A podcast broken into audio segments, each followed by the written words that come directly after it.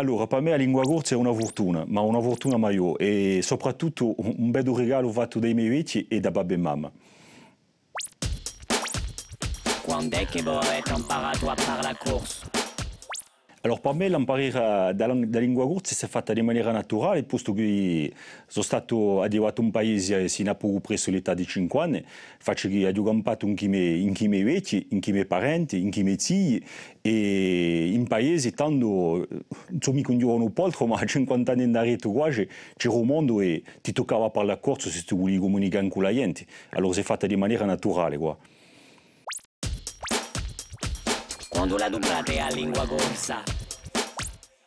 La lingua corsa cerco di parlare lo più suento possibile. Nel lavoro, ogni volta che sento che la persona posso parlare con lei, parlo subito perché mi viene più naturalmente di parlare corso che francese e poi dopo, come mordaiente, in famiglia, in paese, in chi miei amici, in chi mia moglie, in chi miei cittadini, cerco di parlare lo più possibile perché mi viene il più naturalmente possibile, sicuro.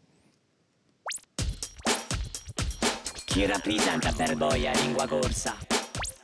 La lingua corsa per me rappresenta molto da fare, rappresenta soprattutto una terra, un'isola, una lingua, una cultura e poi rappresenta tutto ciò che è per rapporto alla mia cittadina, il mio paese, i miei vecchi, questo che non ho mica conosciuto, questo che ho conosciuto che non ci sono più, rappresenta la mia famiglia, i miei paesani, i miei enti, i miei amici, tutto ciò che ho combattuto quando ero cittadino che mi, che mi, mi faccia saudi. Qua. Come dite la bene di lingua corsa?